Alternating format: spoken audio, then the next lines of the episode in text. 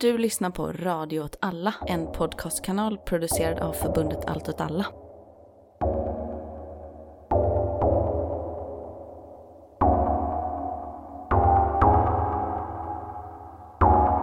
Hej välkommen till Eld och rörelse Udda krig och perspektiv. med mig Martin Hansson och... Och med mig, Muren Andersson. Ha. Aha, nu hann du säga det först. Det här avsnittet spelas in den 20 mars på kvällen. Vi tror att det kommer komma ett avsnitt innan detta släpps, så vi är lite försiktiga med att prata om situationen i, i kriget just nu. Och istället för att prata om det så har vi med oss Sveriges ledande eh, expert på zombieöverlevnad. Herman Och Georg. även väl bevandrad... Nej, fan, förlåt. Ja. Vi är så jävla bakfulla bägge två. Ehm, Jag, jag är väl bevandrad också bara. du, Bra. Du har vandrat mycket, du har sett olika platser. Ja. Vi har bjudit in dig Herman, eh, för att ehm, under de senaste veckorna, kriget har pågått nu i, i snart eh, tre veckor, så har vi fått väldigt mycket frågor om läget generellt, men också frågor kopplade till människors oro runt händelseutvecklingen och vilken typ av förberedelse man ska göra för en, en konflikt som på något sätt skulle eskalera och expandera och att även innefatta vårt närområde. Och det kan ju inte vi egentligen någonting om. Och därför tänkte vi att vi skulle ha, ha med det. Jag kan tänka mig att du också har fått många sådana frågor. Ja, eh, och jag har tänkt väldigt mycket på det också. För jag har ju hållit på med kris och katastrof i liksom över tio år. Och funderat på hur, eh, ja, men hur vi kan bete oss och, och vilka förberedelser som ska göras. Men jag har ju liksom fram till för en månad sedan varit ganska ointresserad av krig och eh, ganska okunnig liksom, i hur det skiljer sig från en annan typ av krissituation som långvariga strömavbrott eller zombier eller någonting. Liksom. Men, eh, men jag har ju fått liksom fundera ganska mycket på det här och eh, pratat med en del som kan mer än jag. Så att jag ska, jag ska försöka mitt absolut bästa och leva upp till det här ledande experttiteln här. Just det. Det var ju faktiskt att vi diskuterade att göra ett avsnitt för nästan två år sedan. Mm. Och sen blev det en pandemi.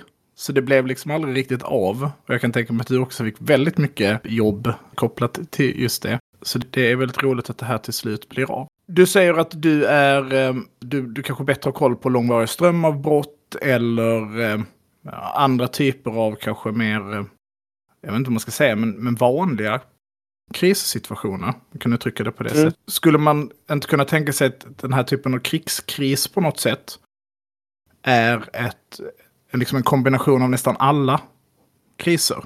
Det råder en resursbrist, tillgängligheten av mat till exempel, eller vatten. Också av el, av mediciner, liksom att det det bygger upp. Det blir nästan som liksom en naturkatastrof, plus en pandemi och så vidare. Ja, precis. Det finns ju väldigt många aspekter av ett krig liksom, i hur vi hanterar kriser. Tänker jag. Och eh, många av de här grejerna som jag oftast pratar om, typ så här, att känna sina grannar, har ju visat sig, alltså det var jätteviktigt under pandemin i alla fall för mig, att så här, ha kontakt med grannarna och, och kunna hjälpas åt om någon var snorig eller sådär. Men det jag har läst utifrån vad som händer i Ukraina och så där också är ju att det, det är sam, så här, grannarna är ju superviktiga i att man, man hjälps åt, man delar på, på resurser och man ser till att folk har det bra i så stor utsträckning som möjligt. Och jag tänker också att strömavbrott, alla de här sakerna finns ju också i, i de här kriserna. Så jag tänker att är man förberedd på olika typer av kriser som, eh, ja, men som är civila, liksom, eller naturkatastrofer eller värmeböljor eller sådana här saker, så tror jag också att man är bättre förberedd på en krigssituation. Så att det mesta tror jag är samma. Och sen finns det en del saker som skiljer, tänker jag. Alltså dels är det väl det här, så här eh, ryktesspridningar och källkritik kanske man måste vara ännu mer noggrann med än i vanliga fall. Även om det ändå förekommer ganska mycket också i i andra typer av kriser att det sprids rykten om att, att saker händer och media eh, snappar upp det och rapporterar om och skapar väldigt mycket rädsla och oro. Men här finns det också människor som, eller främmande makt då, som aktivt försöker se till att vissa idéer får spridning och, och vissa perspektiv blir liksom framlyfta som, som kanske inte är så himla bra för folk generellt. Nej, precis. Jag tänker också att det finns liksom ytterligare en dimension som är att Eh, kanske inte gäller specifikt för Ukraina, men i många andra krigssituationer, framförallt i inbördeskrigssituationer, så är ju också grannar kan också bli fiender till exempel. Ja, nej, nej det, det, det, kan, det kan hända också. Alltså jag, jag tänker att det är ganska stor skillnad där på ett invasionskrig och en, en så här, inbördeskrigssituation som till exempel var i forna Jugoslavien. Att det kunde, ja men verkligen att forna eh, grannar kunde bli liksom dödsfiender ganska snabbt. Jag tycker i och för sig att, att man kunde se, eller att vi ser det liksom i så här, också lite i det allt mer polariserade samhället, att det hände lite i, på sätt och vis i pandemin där liksom så här, ja, men det var väldigt lätt att bli jävligt arg i alla fall, tänker jag på sådana som ja, men antingen skiter helt i restriktionerna eller eller lite senare så antivaxrörelsen och sådär också, att det också skapar ganska stora splittringar eh, i ett, ett samhälle också. Även om det kanske inte är på samma sätt som, som i, ja, i liksom vid, vid någon typ av inbördeskrig. Men, men där tänker jag att vi är ändå ganska långt ifrån den typen av händelse i Sverige. Liksom inbördeskrig situation. Mm. Du pratar om någon slags grundläggande beredskap. Skulle du kunna bara jag tänker att du har sagt det här hundratusen gånger tidigare, men skulle du vilja dra någon sån, dina tio bästa tips liksom, på, på hur man kan vara, vad man kan göra för att vara lite mer beredd för en, en krissituation. Och sen kanske vi kan dyka in med detaljerna runt ja, just den här typen av situation. Både då ur ett ukrainskt perspektiv, de människorna som är där, men om ett liknande scenario hade utspelat sig i Sverige eller i vårt direkta närområde. Mm. Ja, men jag, skulle säga att, så här, att känna sina grannar är jätteviktigt. Ser vi alla typer av kriser för att människor börjar organisera sig lokalt. Och det är också grannar som är först på plats när en olycka eller en kris inträffar. Och grannarna är kvar liksom, när räddningstjänsten och alla, all professionell personal har lämnat. Liksom, är, är kvar i ganska stor utsträckning med återuppbyggnad och se till att saker och ting fungerar efter också. Så att det, det, är liksom en av de absolut viktigaste sakerna skulle jag säga. Sen, sen finns det många saker kring så här, gruppdynamik och organisering, att vara välbevandrad i det. För att det gör också att vi liksom mycket bättre kan vara resurser för varandra och styra upp det som behöver fixas.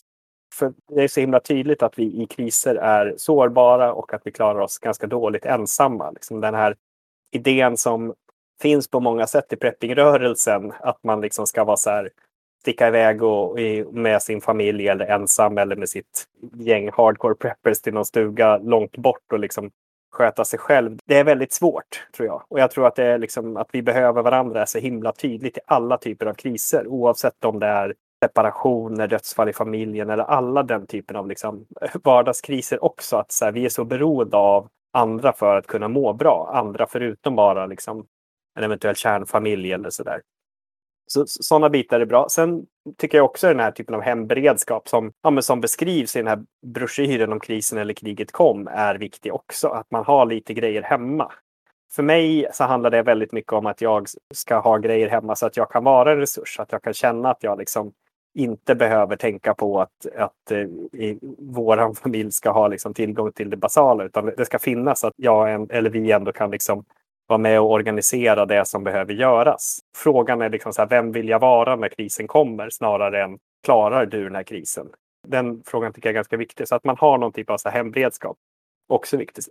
Sen tänker jag att fysisk träning är en sån viktig del också. Att vi liksom rör på oss regelbundet och eh, är vana att använda kroppen för att inte, ja, men för att kunna göra saker. Kriser innebär oftast att vi i mindre utsträckning kan använda de apparater, maskiner och eh, eh elektronik som vi normalt har för att göra saker. Och eh, då, då står vi där med kroppen som främsta arbetsredskap. Och att ha en kropp som tål påfrestningar eller liksom man hittar sätt om man har eventuella funktionsnedsättningar att liksom kunna hantera det här, tänker jag är bra jag tänker att det också finns ganska stora delar av så mental förberedelse kring det här. Och jag har tänkt väldigt mycket kring klimatkrisen och pandemin och kriget här nu liksom de senaste veckorna. Hur vi måste tackla ovissheten hela tiden. Att vi inte vet riktigt vad som händer. Återigen, vi är dåliga på den här typen av oro. Växer ofta när vi är ensamma och isolerade. Och ju fler vi är tillsammans och kan prata om det på ett rimligt sätt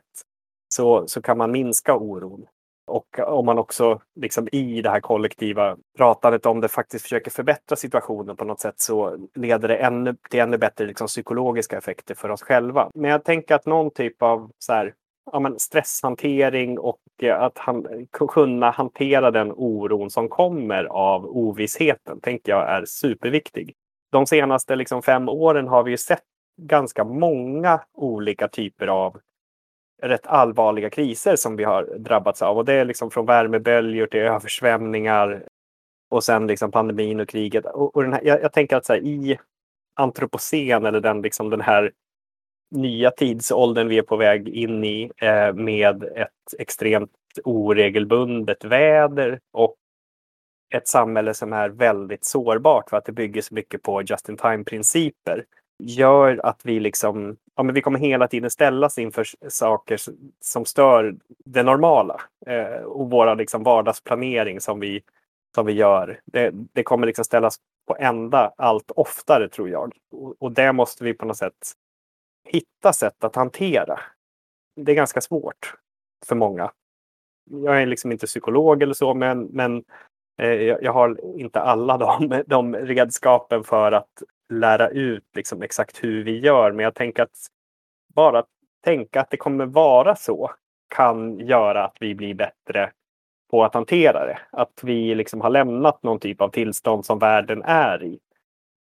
Och det kanske också så här, den ganska långa period eh, vi har haft i Europa utan liksom, krig mellan stater, alltså sen efterkrigstiden egentligen, så, så har vi också tagit det för givet på ett sätt som kanske inte heller var rimligt. Liksom. Jag, jag tänker att konflikter ökar också i tider av ja, men så brist. Mm. Och, eh, och vi ser allt fler brister på allt från liksom, mineraler till och sen logistiken som, som blir lidande bara av, ett, av att ett skepp liksom, vid Suezkanalen strandar. Så, så gör det att leveranskedjorna förstörs på alla möjliga olika saker. Att det kommer uppstå brister. Så jag tänker att det också kommer...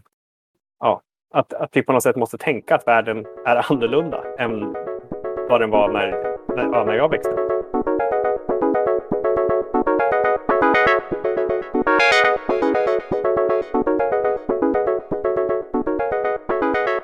Jag tänker att när du pratar så, så beskriver du ju de här olika typerna av kriser, pandemier eller klimatkatastrofer, eller vad det nu skulle kunna vara. Jag tänker att kriget skiljer sig på ett visst sätt från dem. På det sättet att det följer en liksom mänsklig logik på något sätt, eller driven av människor. Vilket gör att, även om man inte kan förutse det i detalj, så kan man, man kan se mänskliga mönster på något sätt i hur saker utvecklas.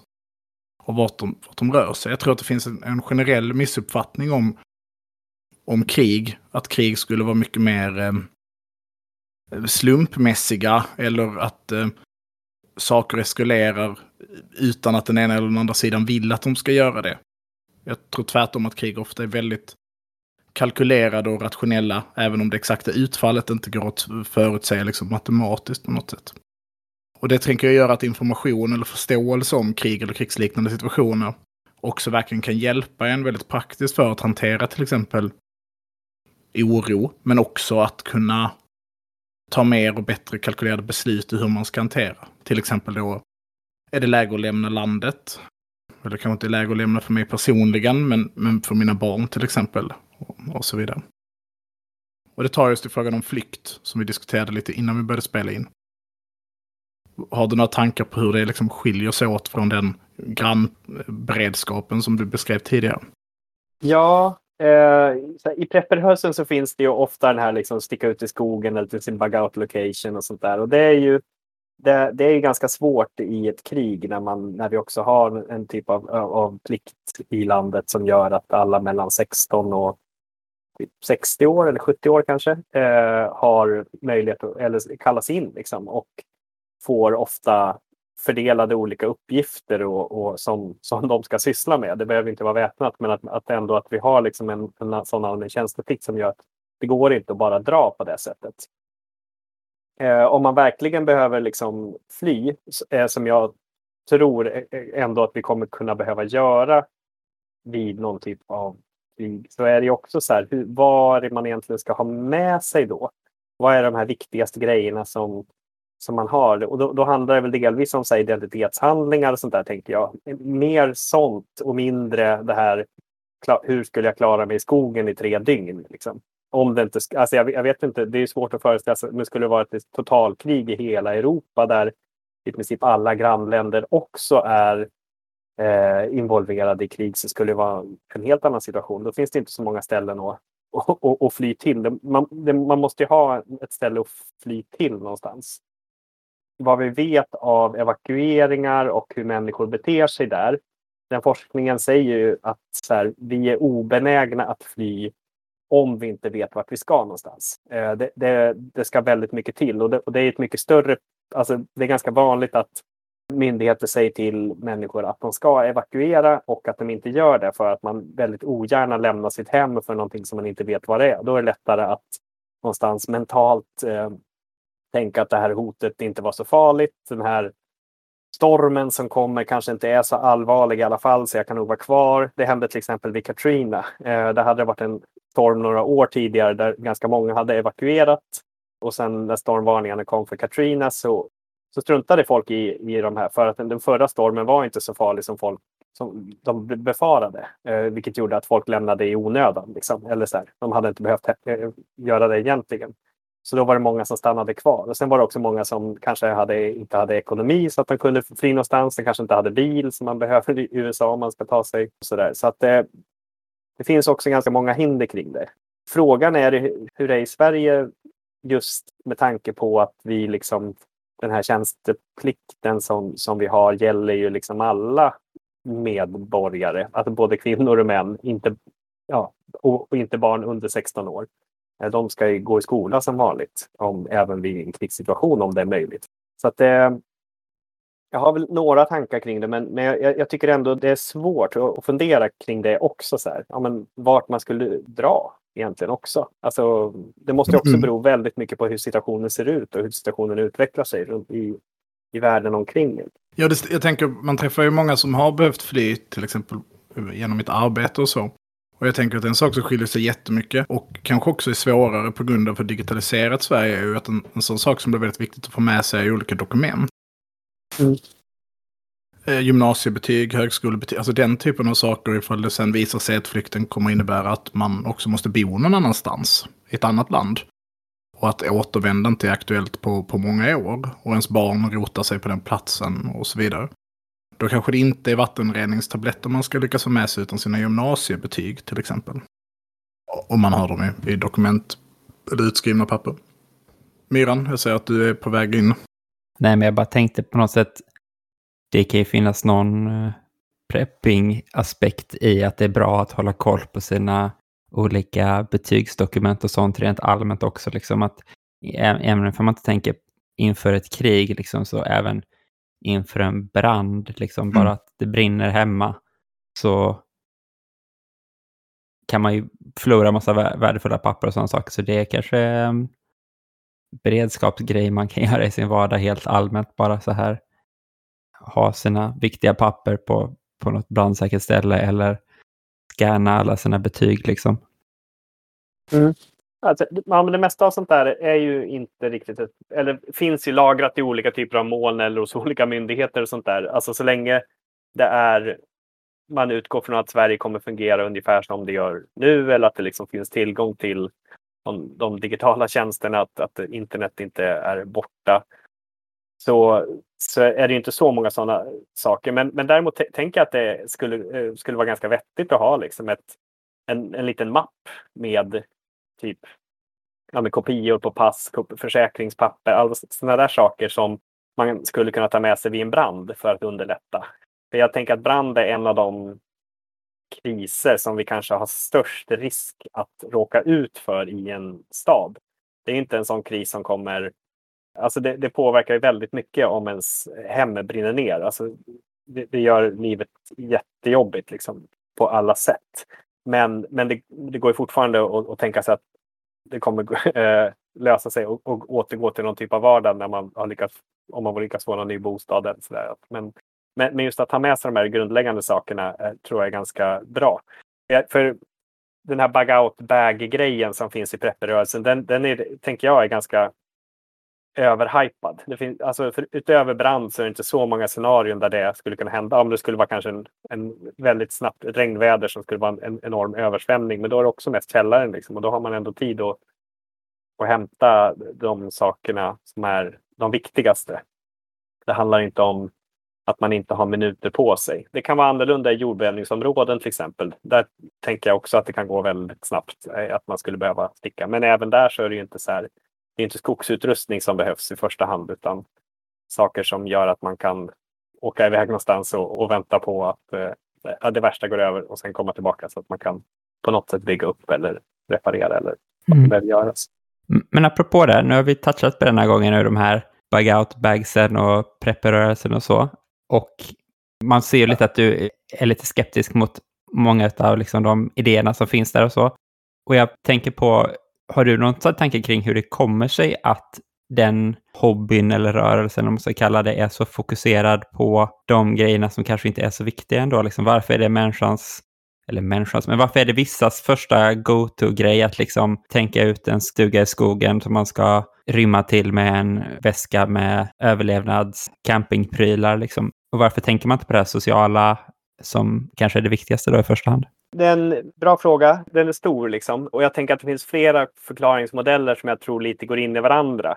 Lite tänker jag att det handlar om någon sorts överbyggnad av att vi inbillar oss att människan är liksom tre måltider från anarki. Och anarki på, på ett dåligt sätt. Att vi, så här, vi har en tunn penissa av civilisation och inom oss är vi någon sorts djur som bara slåss för vår överlevnad. Och jag tänker att det här går tillbaks till någon sorts hobbesiansk bild av mänskligheten. Att vi behöver någon, någon, som styr oss och någon som sätter upp de här reglerna för att vi ska bete oss rimligt mot varandra. Och den tänker jag finns ganska starkt och påverkar all typ av populärkultur som finns för att det blir också ganska spännande och rätt bra populärkultur. Men den här populärkulturen gör ju också att det är så vi föreställer oss att det blir. Så att det förstärker sig själv liksom hela tiden. Det är roligare att göra en film där, eh, eller ja, zombiekulturen liksom översvämmad av det. Att det är de andra människorna som är hoten och som försöker ha ihjäl varandra med. Zombierna blir någon sorts utfyllnad. Så jag tänker att det är den ena. Och den, den här liksom verkar inte stämma. Att det är snarare så att så här, i kriser så så beter vi oss i allmänhet hyggligare än vi gör i vanliga fall. Vi är mer solidariska. Vi ser oss själva i andra på ett sätt som vi kanske inte behöver göra till vardags. Särskilt inte i kanske städerna där vi gärna undviker att hälsa på grannarna för att de stör vårt vardagspussel mer än, än någonting annat. Alltså typ så. Som finns eh, liksom, även ganska mycket i, i vårt samhälle. Men jag tänker också att det finns en så här maskulinitetsaspekt av det, av att så här, klara sig själv och att så här, ja, någon sorts Robinson-ideal. Att man ska vara den här starka, händiga personen som som ska kunna hantera alla problem själv och, och, att man kan fantisera om det liksom i att det är så det blir i kriserna också. Att vi där någonstans också, tänker jag, ja, men slipper alla vardagliga bekymmer och, och alltså, om man ska tänka lite positivt på det så att, att vi, vi slipper allt det här, det vardagliga, det jobbiga i vardagen och kan fokusera på en sak som är att så här, klara livhanken och, och, och lite sådär. Och att det, det, det här lite enklare livet tror jag också är lite lockande för oss. För att allting känns så jävla stressat och jobbigt hela tiden. Det är en dröm om katastrofer nästan. Ja, men lite så. Alltså, jag, jag, jag tänker att det, det, är en av anledningarna till att, så här, att det finns jäkla mycket så apokalyptisk litteratur och film och att det är så himla inne just nu. Jag tror att det dels handlar om att vi bearbetar vår oro för framtiden genom att titta på den här typen av kultur. Men också att vi längtar lite efter det för att det, där kan vi någonstans visa att vi egentligen kan saker som kanske inte kommer fram i dagens samhälle när vi känner oss styrda som robotar eller som, som eh, ja, att vi inte har så mycket utrymme att, att göra det vi vill göra eller vara de vi vill vara för att det finns så himla mycket i kulturen som, som hindrar oss där. Liksom. Men finns inte en tydlig parallell här då till den här poddens tema? Alltså, för jag, jag köper det du säger, jag bara tänker att den typen av man som du pratar om, tycker jag att jag ser även bland de som åker till exempel frivilligt till krigszoner. Och det, människor gör det av många olika anledningar. Vissa gör det av ideologiska skäl, andra gör det av rent empatiska och solidariska skäl. Men det finns liksom en kategori män som söker sig till de här krigszonerna för äventyret, kan man väl uttrycka det på ett sätt. Men också på något sätt för att få den här upprättelsen eller känslan av att vara starkare och bättre än andra. Och mm. hade, man, hade man tittat på de männen som åker nu till exempel till den här främlingslegionen som Ukraina sätter upp.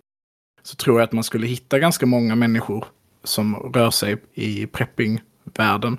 Och Och då tänker jag framför allt på de som kanske inte borde åka som frivilliga. Alltså personer som till exempel då saknar stridserfarenhet eller, eller militär utbildning. Att det finns liksom någon idé om att, om att få vara hjälte på något sätt. Nej, jag, jag, jag, tror att det ligger, det kan nog ligga mycket i det. Och jag, men jag tror kanske så här att få spela roll. Att vara någon mm. som gör någonting viktigt. Eh, för det, det, tänker jag att så här, i dagens samhälle så känner de flesta av oss kanske inte så ofta att det som vi gör är viktigt och stort för världen. Alltså vi som har varit organiserade i liksom olika rörelser, som har kämpat för olika saker, vi, vi har ju det där lite på andra sätt. Men jag tror att många andra inte känner det. Att man, man känner inte att man är viktig. Eh, men helt plötsligt så kan man hamna i en situation där saker spelar roll på riktigt. Och jag, jag tänker också att det finns något lockande i, i, i, i, även i civila kriser där också. Att det finns eh, det är en bok som heter eh, Eh, som Rebecca Solnit har skrivit som heter A Paradise Built in Hell. The Extraordinary Communities That Arise in Disaster. Helt fantastisk bok.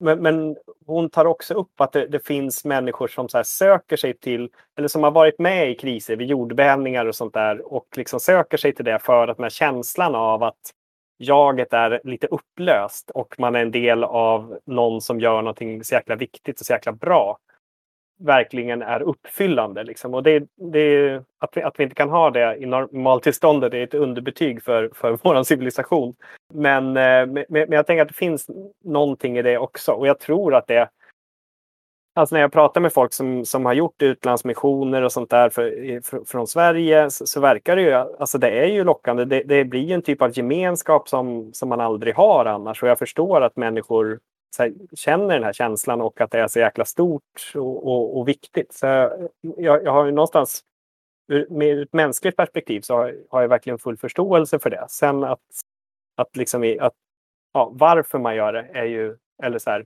på vilka sida man hamnar och sånt där. Det, det är ju en annan fråga lite grann. Och också så här, om man vill, eh, är beredd att döda andra människor och sånt där. Det är ju också en sån. Ja, för jag tänker att det finns en skillnad. Det finns ju en skillnad i det du beskriver här. För att om det bara handlade om att, att uh, göra det som jag tänker att vi alla som är med i den här podden har gjort. Alltså att gå in i någonting för att man, man genuint tror att man kan hjälpa andra människor. Lägga otroligt mycket energi på det utan att egentligen få något, eh, någon ekonomisk ersättning eller någonting annat för det. Det är ju en sak. Att i, som den här situationen man vill hjälpa till så finns det ju liksom en miljon grejer man kan göra för att hjälpa människor. Men det är en specifik typ av människa som tänker jag är en ganska händig snubbe. Jag har förvisso inte gjort någon militärutbildning och jag har aldrig varit i en krigszon. Jag pratar varken ukrainska eller ryska. Nu ska jag åka ner och delta i det här kriget. Jag ska inte hjälpa flyktingar. Jag ska inte eh, samla ihop eh, förnödenheter som behöver skickas ner. Jag ska inte köra lastbil. Jag ska bli soldat nu. Och lite så när man tänker mm. på de här preppersna, den här liksom, som jag då kanske tänker någon typ av amerikansk prepper så går det liksom igen där. Att det viktiga är inte att vara så, jag ska kunna hjälpa mina grannar om de blir sjuka. Utan jag ska lägga jävligt mycket tid och pengar på att sätta ihop en, en, väldigt, bra, en väldigt bra gevär jag ska ha äh, när den här krisen kommer. För, för, det är det som är det viktiga. Liksom. Och det kan ju antingen vara någon typ av naivitet, alltså något, liksom, något barnsligt i det. Att man har liksom en barnslig förståelse av då både katastrofen generellt och kriget då i det här fallet. Att man man föreställer sig att det är på ett annat sätt än vad det är i, i verkligheten. Men jag tror att det här liksom makten eller känslan av att stå över andra människor tror jag är en ganska viktig komponent. Men är inte det också, alltså, kan man inte lite kombinera era perspektiv här och säga att den här liksom sammanhangslösheten som finns i liksom senkapitalismen eller vad vi nu ska säga, föder kanske också den sortens tänkande och den sortens människor då liksom att det är tråkigt sätt att folk hamnar i det tänkandet, liksom, men att det ju inte heller kommer från ingenstans. Liksom. Jag förknippar, alltså, nu var det inte så länge sedan jag lyssnade på Stormens utveckling har ju gjort ett par avsnitt där de pratat om Francis Fukuyamas bok eh, End of History. Där de pratar om det här megalotymia-begreppet. Och jag tycker att det finns någon liksom, parallell till det, alltså i, i idén om att bli erkänd som mer framstående än andra människor. Alltså man tar de karaktärerna som Björn Söder till exempel, eller den här SD-politikern Tilly, som nu ska vi åka ner till det här kriget, vi ska delta. vi kommer till den här utbildningsplatsen, den blir utsatt för ett robotangrepp. Vilket är helt rimligt i ett konventionellt krig. Det är det man rimligtvis borde föreställt sig skulle hända. Och då packar man ihop sina väskor och åker hem igen. Eller Tilly då som sa att han föredrog att ha två veckors utbildning istället för en månad för att han ville till fronten snabbt. Och så åkte han hem helt och hållet istället då, för att han inte fick det. Jesper Söder var det väl också, inte Björn Söder? Nej, förlåt. Det hade varit jättekul om det var Björn Söder.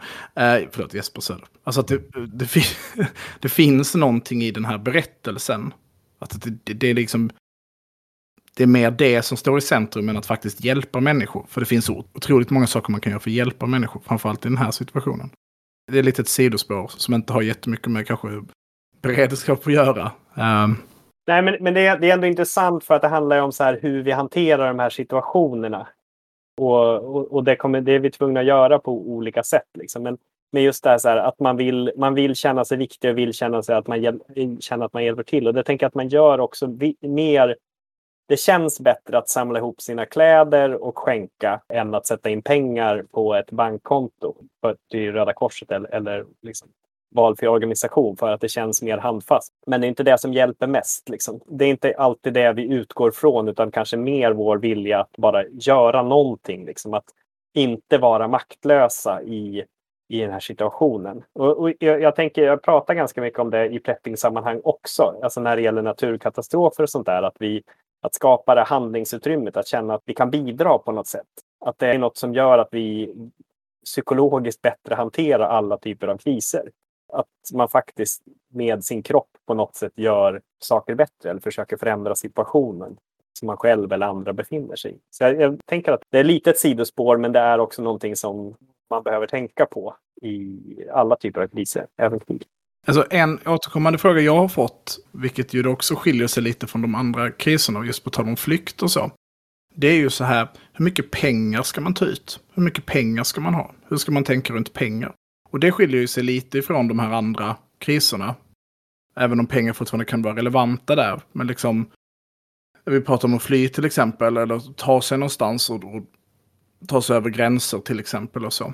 Hur tänker du generellt om att liksom pengarnas roll i den här typen av, av, av krissituationer? Någonstans är det väl ju, ju mer liksom, resurser som man har som man kan byta gör ju att liksom all typ av flykt kommer gå lättare. Är man, har man mycket pengar, väldigt mycket pengar så kommer man ju också kunna liksom bli väldigt mycket tryggare än om man inte har det. Så det är, det, det är väl bra att ha liksom, men, men, jag vet inte om, om det är hur pass mycket man ska ha i så kontanter hemma och eh, vad som är så här, vad är det rimliga? Det rimliga att ha 10% av de eventuella besparingar man har på banken i US-dollar eller i guld eller i liksom olika typer av smycken. Det, det, där är, det finns ju ingen riktig siffra som är som jag tänker man kan säga. Vad man kan säga att om man har möjlighet så är det bra att kanske ha liksom några tusen i pengar hemma, tänker jag. Och i liksom rimliga valörer. Men det handlar ju också om att om betalsystemen skulle sluta funka men att fortfarande förtroendet för andra människor och att allting kommer bli som vanligt igen på något sätt är rimligt eller finns kvar. Då kommer ju de gå att använda även om du inte kan använda ditt bankkort. Men om man ska fly någonstans så kom, kommer man ju ingen vart på det liksom egentligen. Så att det, det kan kanske vara bra att tänka kring, men det handlar också om så mycket om vilka olika typer av kriser man tänker på. Det går ju aldrig att vara förberedd för allt heller. Det finns en del människor som som verkligen försöker det och, och liksom så här är jättearga på MSB typ för att de säger så ja, men vad händer efter sju dagar? Och ni säger att vi ska klara oss i sju dagar, men vad händer efter sju dagar? Kommer ni att hjälpa oss då? Så här, det, det, vet vi inte, förmodligen inte, men det gör ju att, att vi har mycket bättre förutsättningar att, att ta de besluten som krävs utifrån hur situationen ser ut. Så så någonstans handlar det ändå om så här improvisationsförmåga och, och möjlighet att anpassa. Det, det, finns, det är viktigt att ha någon sorts omvärldsbevakning i det här också. Men, men jag tror att en viktigare skill där är att kunna agera efter verkligheten och inte efter någon sorts tänkt karta. För det är många som gör väldigt detaljerade planer och det, det, det, det kan vara bra att göra om man vet att de här planerna ja, inte behöver användas utan det är bara någon sorts eh, tanke i förväg så är man lite mer mentalt redo för någonting. Eh, så ja. Mm, ja, men det var ett jättebra svar. det är svårt och det blir också så jäkla orättvist det här för att det är väldigt många människor som inte har möjlighet att, att spara någonting eller att ha någonting i kontanter. För att man lever under sådana villkor. Men så är det. Det är ju liksom ett klassamhälle som, som är orättvist i grund och botten. Och, det, och det, vi ser det också ännu tydligare i kriser. Att det, det är eh, de, de fattiga som drabbas hårdast. Både globalt och inom länder. Okej, okay, men jag kan ställa en fråga som eh, jag har funderat lite på nu. Ifall du, jag vet inte ifall det är någonting du också tänker på så, men en stor grej man pratar om med det här eh, kriget i Ukraina och så är att både Ryssland och Ukraina är väldigt stora eh, spannmålsproducenter. Så att, och eh, redan innan dess så var det väl en topp i matpriser i världen som var på väg uppåt liksom. Och eh, att det är någonting vi kan eh, förvänta oss, liksom att mat kommer bli dyrare och kanske inte kommer bli liksom kris i, i bemärkelsen att maten tar slut i butiken i Sverige, men liksom på ett globalt plan så finns det väl en stor risk för att det blir liksom svält och också olika konflikter i andra delar av världen till följd av det. För det har vi ju sett. 2008 så var det ju också en peak i matpriser och efter det så bröt det ut ett antal olika liksom, krig och för den delen också arabiska våren och så, men, men eh, eh att det liksom driver fram konflikt på något sätt. Det är ju inte riktigt prepping så, men jag bara tänker att det kanske är närliggande på något sätt. Har du några ins på matkrisen? Ja, alltså jag tycker det här är, är jättemycket prepping för att det handlar ju om någon sorts grundläggande eh, trygghet. Och, här tycker jag att liksom, i sommar, alla som kan odla potatis ska göra det. Eh, för att det är ett fantastiskt livsmedel och det är ganska lättodlat och, och, och ger ett bra kal kalorier. Så alla liksom... Där hör du Martin. Jag hatar potatis så jävla mycket. Ja, då får du, du, får, eh, du får äta rovor istället då. Mm. Sk skånsk potatis. Ja, ja, ja men precis. Nej, men så är det väl. Alltså att möjligheten att odla och hålla igång mindre odlingar är, är väl jättebra. Och det ser man väl också nu i Ukraina. Ja, och det, och det, det, har vi sett i alla krig som har varit också. Att det är så här, ja, men i, i, i England och under andra världskriget så var det liksom otroliga kampanjer för så här, Dig for Victory. Att man skulle liksom att halva kriget avgörs med vapen, halva avgörs av att vi, har, vi, vi kan äta någonting här hemma.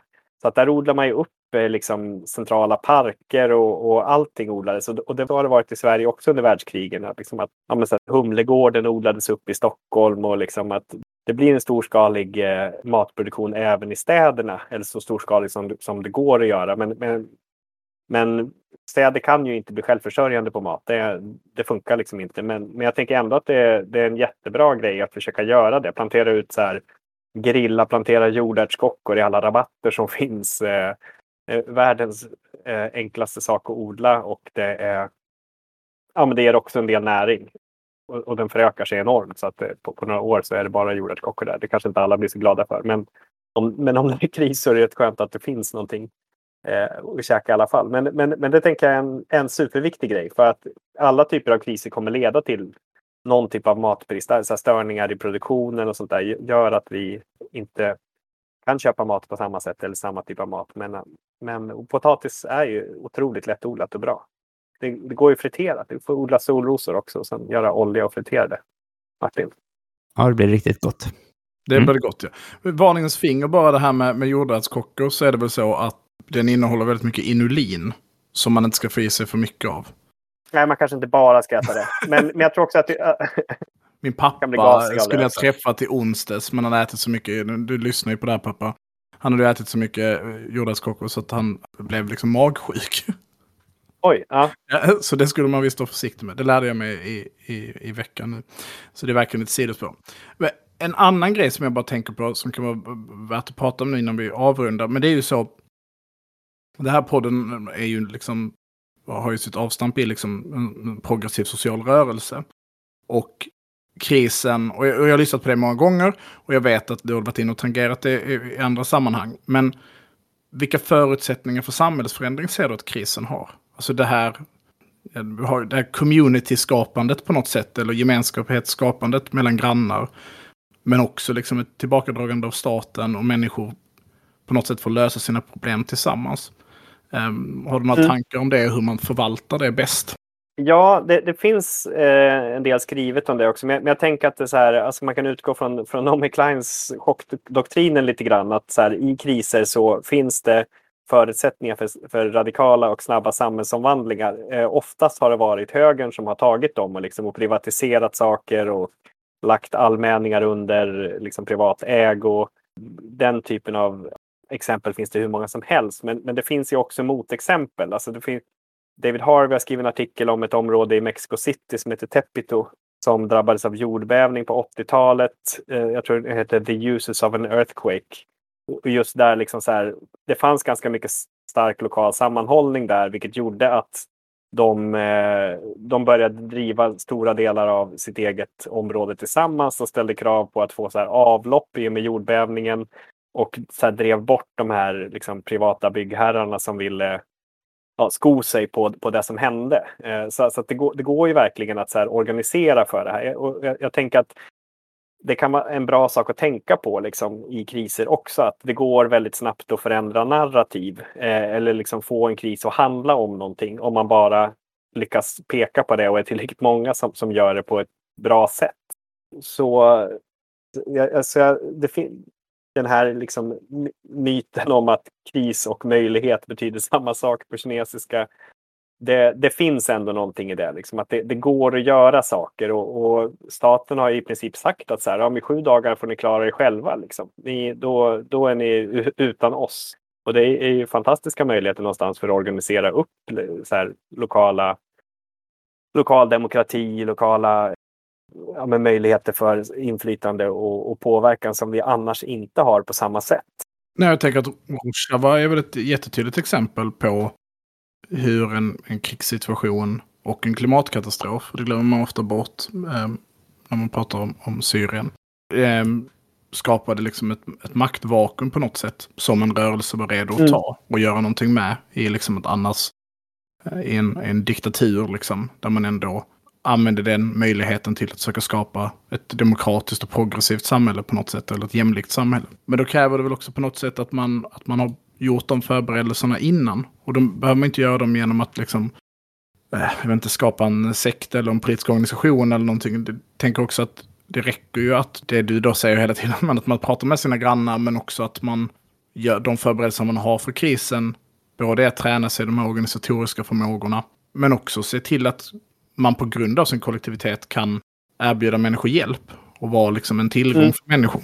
Ja, men precis. Och det, och det, det, ser vi ganska ofta alltså också så här att sociala rörelser växer enormt i kriser. Jag var, jag var i Argentina eh, ett år efter eh, den stora ekonomiska kraschen 2001 och, och, och skrev uppsats om så här, de sociala rörelserna. Och det var ju liksom det var ju som att hela, hela landet var på fötter och var på väg om, mot någonting annat. Eller så var känslan i alla fall. Det var inte riktigt det som hände och det var inte Sen blev det väl någon sorts socialdemokrati under några år där. Men, men, eh, men de här sociala rörelserna liksom hade ju väldigt stort inflytande och kunde påverka saker som hände. Alltså, man, man avsatte flera presidenter liksom så månaden efter, efter upproret startade.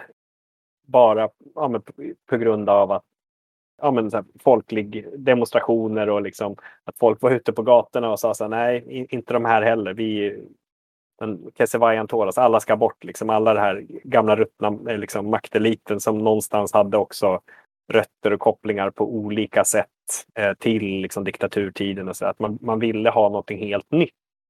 Och det, och det, det tänker jag finns liksom, möjligheter till den typen av politisk organisering och skapa rörelser som kommer ur krisen.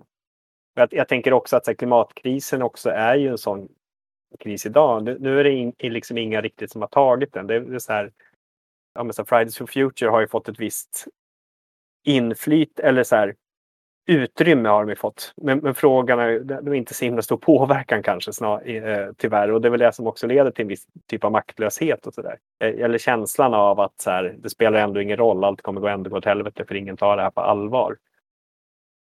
Det finns när det inte blir en tydlig sak. Men, men alla typer av kriser ger ju möjlighet till att kanske skapa någonting som faktiskt också blir lite större. Men, men det är ju bra att ha förberett sig för det också.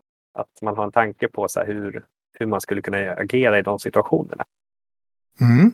Och innan vi avrundar så får du berätta lite vad du tycker man ska ha hemma.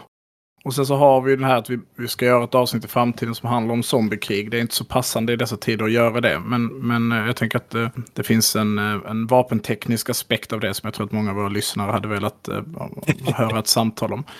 Så det kommer jag tvinga, tvinga dig till att göra. Men om man nu befinner sig någonstans i det här läget, den här krisen har, har skapat jättemycket stress och för att hantera den, den oron man har så tänker man att man ska man ska bli lite mer förberedd på att hantera ett osäkert samhälle. Till resurstillgång och så vidare. Vad tycker du är det första man ska köpa? Och jag antar att det inte är ett gevär.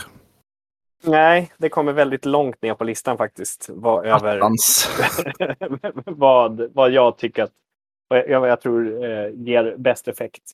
Nej, men alltså jag tänker att man får utgå från de grundbehoven som vi har. Vi behöver liksom äta någonting. Eh, vi behöver dricka. Eh, och, och där är liksom det, bara för ren överlevnad så är ju vätska väldigt mycket viktigare än mat. Alltså vi klarar oss ganska länge utan mat. Så här, nästan alla klarar 40-50 dygn utan att äta. Sen går det ganska brant neråt. I, alltså sen börjar folk dö rätt snabbt och sen efter ungefär 60 dygn, 60-70 dygn så är det i princip ingen. Och det handlar förmodligen om tiamin, en B-vitamin som gör att vi kan använda när de lagren tar slut i kroppen så kan vi inte tillgodogöra oss energi i form av muskler och, och fett och sånt där på samma sätt.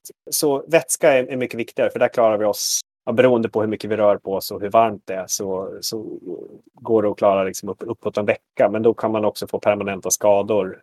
Och man, man kan inte göra så himla mycket efter, efter bara ett par, tre dagar. Så att, att, ha någon typ av beredskap för vatten. Och det kan ju vara beroende på hur man bor. Om man bor i stan och, och med inte nära någon typ av eh, vattendrag så är det ju ganska rimligt att ha lite vatten hemma i form i dunkar och sådär. Eller om man har typ havremjölk eller någonting. Om man, om man dricker det mycket eller om man har barn. Som, så, så kan man alltid ha det hemma som, som, som också är en, en backup. Eh, värme, en annan sån sak som vi behöver tänka på. som någon typ av värmekälla. Det kanske gäller mer ju längre norrut vi bor. Eh, för att på vintern så kommer eh, husen bli utkylda ganska snabbt. Så att det finns olika typer av sån här, eh, fotogenvärmare eller, eller liksom spritvärmare som man kan köpa om man, om man tänker att det är en sån eh, ja, nå någonting som man tror skulle kunna hända eh, om man inte har kamin hemma. För, och då är det bra att typ ha så här, extra ved till exempel. Så att det, jag, jag, tycker det är svårt att ge så här väldigt tydliga råd för att allting handlar någonstans om var man bor. Så vad man kanske ska börja med att göra är en så risk och sårbarhetsanalys där man, där man tänker på så här, hur ser mitt, min, min familjesituation eh, eller så här, vilka bor i hushållet? Vilka eventuella mediciner skulle behövas? Eh, och sen utgår man också från de, de fysiska grundbehoven som vi har. Eh, en sak som jag tänker är väldigt viktig är tillgången till information. Alltså att vi, vi kan få information på något sätt. Och då är det bra att ha någon typ av vevradio eller solcellsradio som gör att vi kan få information även när våra mobiler eh, har dött och, och eh, ja, datorns batteri har, har, tagit slut. Att vi har tänkt kring det. Och, det, och där funkar det ju liksom en bilradio. Har ju de flesta drar extremt lite Eh, eh, ström ifrån, från det batteriet och bara lyssna på radion där för att få information om vad som händer så att vi också kan fatta eh, beslut som är baserade på vad vi vet och inte bara vad vi tror vi vet eller vi, liksom de pusselbitarna som vi fyller på med information. För det är det som händer när vi saknar information om saker. Då tror vi lätt på rykten och vi fyller i med vad vi själva känner vi tror skulle kunna hända eller, eller händer just nu. Och då blir det ofta ganska fel, att det blir väldigt dåligt underbyggda beslut. Eh, så det, det tänker jag är eh, här, bra grejer att ha lite grann i alla fall, alltså utifrån de, de fysiska behoven. Och när det gäller mat så tänker jag att man ska eh, ha mer av det som man normalt har hemma, alltså som är torrvaror och sånt där. Så om, om du äter mycket pasta till exempel så, så är, är det ha liksom ett gäng extra paket pasta i någonstans för, som du sen kan rotera så att det inte blir dåligt. Eller ris eller sådär som man sen kan koka upp.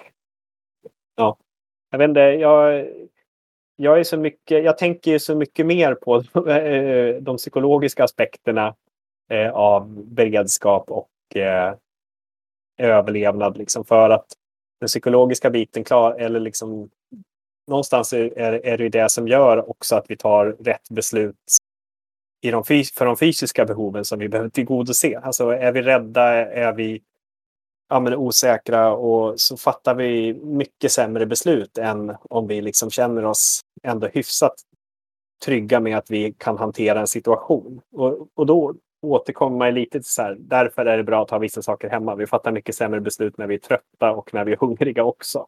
Eh, men, men, men genom att ha liksom den här grundläggande hemberedskapen som man kanske klarar, ja, men säg, myndigheterna förväntar sig en vecka. Det kanske är rimligt att tänka så, att man ska ha saker som man klarar sig en vecka. Eh, och det behöver man inte ha exakt veta precis vad man ska ha hemma, men man, man kan se till att man har de här, lite konservburkar som man normalt använder. Liksom.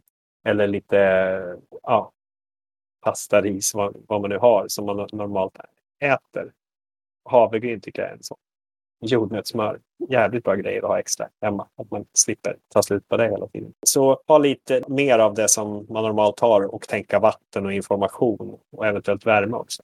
Jag tänker att du lyfter en spännande aspekt här, just det här kring oro och informationsintag och så. Alltså någonting som vi har diskuterat, jag och Myran har pratat om flera gånger de senaste veckorna, är ju att det finns ett annat, nästan omvänt psykologiskt fenomen jämfört med pandemin. Alltså det som hände, upplevde jag under, under pandemins inledningsskede, det var ju att det spreds en, det, det, det blev en, en hysteri som var kopplat mycket till att man ville konsumera liksom de, de mest skräckinjagande eh, nyheterna och informationen. Alltså att folk eh, vältrade sig liksom i att det gick dåligt i världen på något sätt. Om du förstår vad jag menar. Mm. Uh, här upplever jag nästan ett omvänt beteende. Alltså där man väljer att tro, väljer att tro på den informationen som kommer ut från Ukraina som berättar att det går väldigt bra för Ukraina. Mm. Nu säger inte jag att det nödvändigtvis går dåligt för Ukraina, men det är väldigt tydligt om man i de flöden där jag befinner mig är att det, liksom, det, det finns en berättelse typ är att Ukraina håller på att och, och knäcka ryska armén och kommer att ta Moskva om ett par veckor om det fortsätter i den här takten. Och, och det gör ju någonting omvänt i, krissituationen. Som också skiljer sig lite från naturkatastrofen och så. För det som man bygger upp för då är ju någon typ av besvikelse. Mm. Men å andra, sidan, å andra sidan så kanske att vara, att vara hoppfull är kanske mycket bättre. Ja, jag, jag, tänker att vi... De flesta av oss har väldigt... Om man inte åker ner dit och krigar själv så har vi ganska, ganska begränsad möjlighet att påverka det här. Liksom. Och, och, då, då är det lätt att välja liksom, hoppet någonstans. Så jag, tycker det finns lite liknande grejer kring så här, klimatkrisen också i det här. Just det.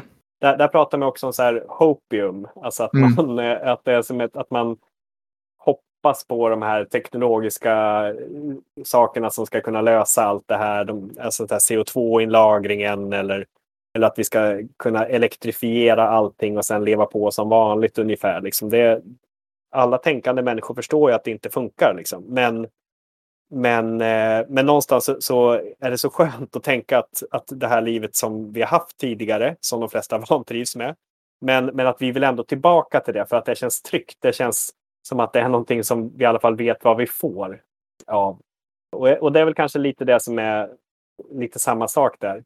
Men samtidigt så upplever jag också att, alltså jag, jag håller med delvis om det här, men, men också att vi, det är många som knarkar nyhetsflöden för att bara få liksom de här hotbilderna matade på sig hela tiden. Att man, liksom, man vill lyssna hela tiden fast det är inte säkert alls att man mår bra av att veta exakt hur det går i vilka slag. Och jag tänker också att så här, alla de här fruktansvärda händelserna som har varit med liksom bombade teatrar och liksom hur civilbefolkningen verkligen lider är ju också något sätt att så här, vi tar till oss av, av de hemskaste av händelser för att vi vår, vår psykologi går igång på den här typen av hot.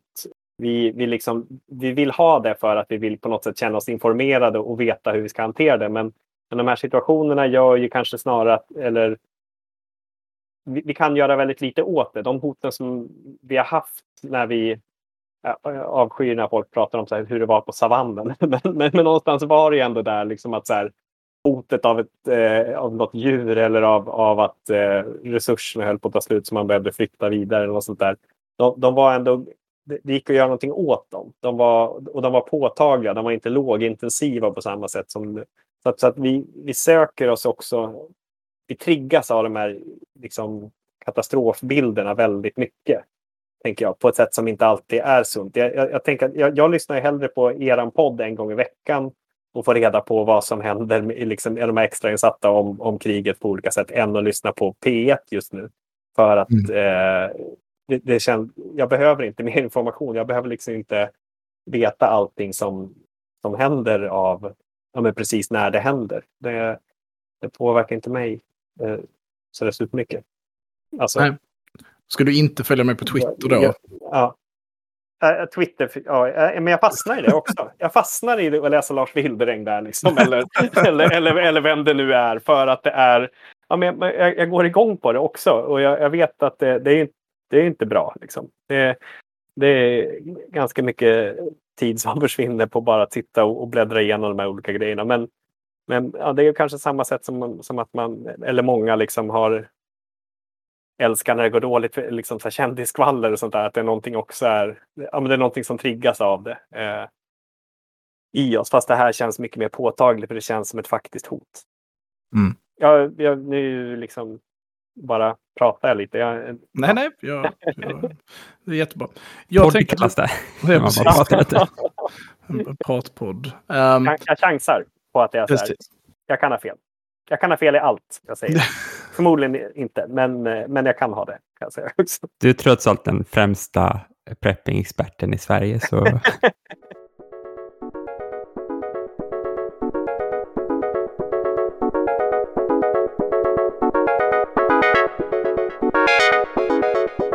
Eh, det är så här att vi behöver avsluta. Vi har kommit upp i klockan där eh, avsnittet ska ta slut. Så jag tänker att eh, vi avrundar lite. Vi brukar erbjuda våra gäster möjligheten att eh, göra reklam för någonting. Har du något du vill göra reklam för? Ja, om man eh, tycker det är intressant att lyssna på podd om kris och katastrof så har jag en podd som heter Beredsam eh, som kommer ut varannan vecka som gör det. Eh, och sen så har jag skrivit lite böcker. Om man är intresserad av zombier så finns det ju zombieöverlevnad. Och sen har jag skrivit en som heter Överlev katastrofen också. Den är slut nu men den kommer i pocket ganska snart. Så köp inte den, den dyrare versionen som är, man kan köpa nu utan vänta en och en halv månad så kommer den som pocket. Och sen kommer jag också med en bok i mitten på maj som heter Monstersamhället som eh, handlar mycket om de här frågorna kring oro och att möta klimatkrisen, hur vi kan hantera den både fysiskt, psykologiskt och liksom, ja, men tillsammans göra någonting bättre av det. Så den kommer i mitten på maj. Jävlar vad produktiv du är. Jag lyssnar ju på din podd, Beredsam. Mm. Jättebra, jag rekommenderar den starkt. Och jag har läst eh, Zombie-överlevnadsboken tror jag också för många år sedan. De andra har mm. jag inte eh, tagit och läst. Det kanske man borde ta och göra. Mm. Um, då tackar vi så mycket. Man kan följa mig på Twitter. Där heter jag Trojkan3037. Uh, man kan följa Myran på Twitter också. Där heter han ett slukhål. Ja. Jag tror jag heter zombieöverlevnad eller någonting. Nej tack zombies kanske på Twitter. vi kan också länka i avsnittsbeskrivningen på din eh, Twitter. Mm. Du heter nej tack. Du heter nej tack zombies. Ja, precis. Med S på slutet. Uh, man kan följa oss på Instagram. Där heter vi eld.och.rörelse. Eller rörelse. Och man kan följa oss på Facebook, där heter vi Eld rörelse. Tack så jättemycket för att ni har lyssnat. En annan sak är att eh, Allt åt alla bedriver nu en insamling till en organisation i Ukraina som heter Sociala rörelsen, översätter vi det nog va? Mm. Som är en vänsterorganisation i, vad ska man säga, kanske vår anda på något sätt i Ukraina. Och vi tänker väl lite så, det finns massa olika insamlingar och projekt och så som man kan göra, men att vi som liksom någon sorts radikal vänster kan ju försöka också tänka på de som är oss, fast där liksom. Att man kan försöka knyta någon sorts band och upprätta kontakter liksom. Också att det inte bara är liksom så här ge pengar någonstans, utan att försöka ha någon sorts utbyte sinsemellan. Så ifall man vill så kan man skänka pengar till den insamlingen. Vi länkar den i avsnittsbeskrivningen tänker jag. Och med de orden avslutar vi. Tack så jättemycket för att ni har lyssnat. Tack och hej. Tack och hej. Hej då. Hej då.